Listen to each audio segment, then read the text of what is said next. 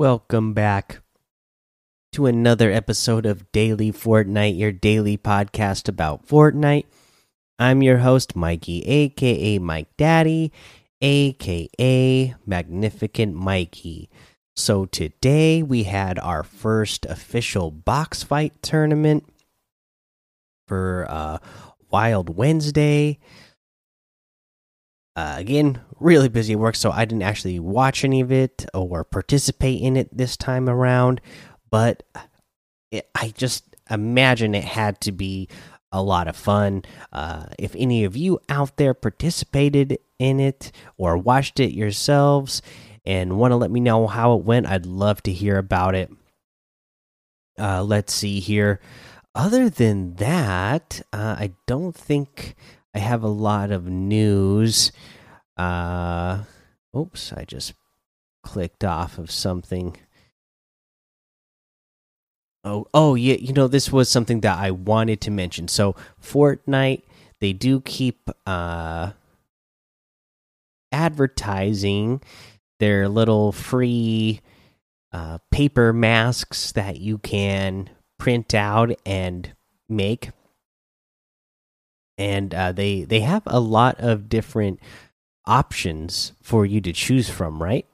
Uh, and these actually look pretty good. So I didn't see this myself in person, but I have a coworker uh, who who his kid printed out the Ghoul tro Trooper uh, mask and put it together uh, and so I saw a picture of my coworker's kid, and it looks really good. It actually looks really good. Uh, I, was surprised on how well it, it, turned out. So you know, if if you want, you know, a cool Fortnite themed mask for Halloween, or if you just want a Fortnite mask just to have for fun, uh, and you need a fun activity to do right now, I, I think this would be pretty cool to do. To do these uh, masks. I think they have an Arachne, the Ghoul Trooper. Uh, they have the Skull Trooper. Uh, so you know you can get a couple of different looks in there, and I I like that they have uh, these little. I don't know what these are. Little paper uh, figurines that you can make as well mini foldable paper craft is what they're calling it. And they have one for big mouth. They have Ghoul Trooper and one for raven as well. So pretty cool. Uh, you know they could be some additional uh, halloween decorations that you put up you know around your house or whatever uh, and they're they actually like i said uh, they actually look pretty uh, pretty cool in real life. You know of course the the promo pictures that they have they're going to make them as look as good as possible. And you know when sometimes when you see things online you go think you always kind of think like okay but how good is it going to look in real life when i do it? Uh, but like i said I, my coworker's kid did it and it actually looks really good. And now that i'm actually going to the official page here I, I forgot they did the hashtag my Fortnitemares and they have some of them linked in here and you could see some of the other people that have printed these out and uh, made them themselves. And sure enough all the people who did it themselves here on this page that you could see it looks really good. Uh, some of them take a while to cut out and uh, put together, but you know they look good. So that's all I can say is try it out. It, it looks it, it, it looks good and it looks like it would just be a fun activity. I just wanted to kind of mention that there. Uh, other than that, let's go ahead and mention these challenges that we got going on. Uh, we we have the Fortnitemares challenges still, and I let me see how much time we have left on those because I kind of wanted to mention uh, some more on how to get some more of these done before we get done with these. Uh, we got four days left for the Fortnitemare stuff uh, to get done. So, uh, still plenty of time, and most of these are, you know, straightforward and easy to do. Uh, there is one uh, where you need to visit uh, different witch stat, uh, shacks. I already have it done. I think it was three that you need to do. Let me see if I can find it real quick. Yeah, three. So you need to visit three, and there's like I don't know. Let me see here. There's seven possible witch stacks that you can go to. The one of them is in A four. Uh, and when you when you zoom in on the map, you'll kind of see like a a shack area with a bunch of other little stuff around it, uh, little trees, dead trees around it. When you zoom in, that's what you're looking for. That's where you're landing. So there's that one in A4. There's one in D1. There's one in C4, in C7. There's one in F5, one in H3, and one all the way down in H7. Uh, to me, I thought it was pretty easy to go to the one in D1 first. Uh, and then you head over and hit the rifts that are over in the C1 area, and you can glide all the way down to the one that's in A4. Then you can uh, head over to Salty, or not Salty, Sweaty Sands and grab a uh, a vehicle and drive over towards Salty Springs and hit the uh, witch's shack that is in uh, C4 over there and get this done pretty fast. So that's what I would suggest doing. Uh, all right, let's go ahead and take a break right here. All right, let's go over to today's item shop. Still have all the Ghostbuster stuff in here. Uh, you know, all the other Halloween themed stuff that we've gotten the last a uh, few days is still in here. All those Halloween themed packs are still in here. And for the new stuff that they added in today, they got the Good Doctor outfit. He's got some inner demons. And so this is like a Dr. Jack Dr. Jekyll and Mr. Hyde uh, type of deal, right? So when you have the good doctor, uh, he looks just like a normal guy, right? And then uh, he has the Hyde style.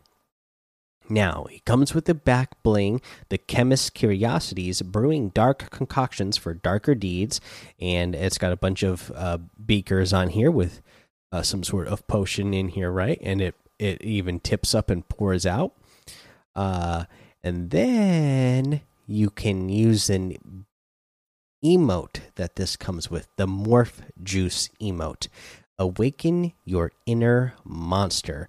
So this is one of those built-in type of emotes that you you uh, switch from one uh, outfit one style of the outfit to the other right? So you can be the good doctor you you take the morph you do the morph juice emote and then you will change into the Hyde outfit. And uh, you know you could switch back and forth i think. Or maybe you can just switch to Hyde. I'm not sure. Either way, pretty cool. This is 1,500 V bucks for this. Uh, I really like it. You have the arcane and dagger harvesting tool. Watch your step. Uh, so you, it's a cane uh, and uh, a dagger, so you can uh, wield it so that you have uh, a dual wield. So it's the um, so that it's the arcane I mean, so that it's the cane and the dagger separated, or you can do the arcane, which is the uh, you know the the dagger and the cane uh, put together as one. So that's pretty cool. That's 800 V bucks. Uh, we also have the Ravina outfit, Bewitching Spirit from a Dark Dimension. Uh, this also has a selectable style. So you have the default and then the glow, uh, where uh, the, the, the pink is just brighter, and I guess it'll glow uh, when you go to the concert. Uh, and then it also comes with the glass wings back bling. They'll never hold her down now. This is 1,200 V bucks for this. Big fan of this one. I like the the the green skin and then the purple pink highlights that she has. pretty cool. Uh, same with this Fright Clubs harvesting tool. I just came to dance. I really like the purple and green that they have going together here. Re looks really nice. 500 V bucks for those. You have the Bright Bomber outfit for 1,200. The Bright Gunner outfit with the Bright Bag back bling for 1,500. The Rainbow Smash harvesting tool for 1,500. The Bright Blimp glider for 1,200 Got the Haze outfit with the Ridgeback back bling for 1200. The Starshot harvesting tool for 500. Uh, the Omen outfit with the Battle Shroud back bling for 2000. The Star Wand harvesting tool for 800. The Laugh It Up emote for 500. The Steamed emote for 200. The Llama Beat music for 200 and the Sand Shark Driver outfit for 800. You can get any and all of these items using code Mike Daddy M M M I K E D A D D Y in the item shop and some of the proceeds will go to help support the show. Okay, now let's talk about our tip of the day. Okay? So, again, uh just talking about box fighting. Here's another tip for uh, box fighting whenever you are playing in a mode where you have access to crash pads, okay?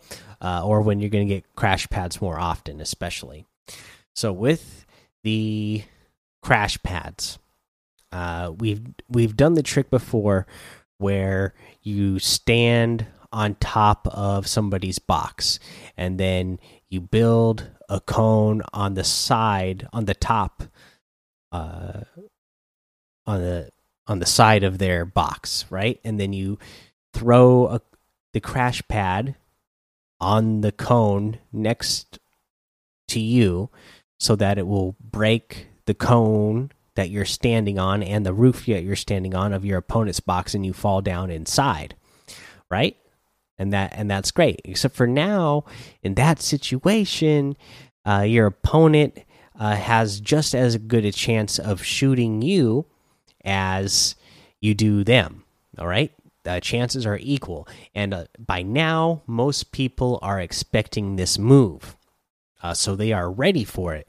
So what you do is you, you know, you have, you stand on top of the person's box and you build two different cones. One, uh, say there's one to the just build two cones adjacent uh, to each other, okay? And then pick one to stand on.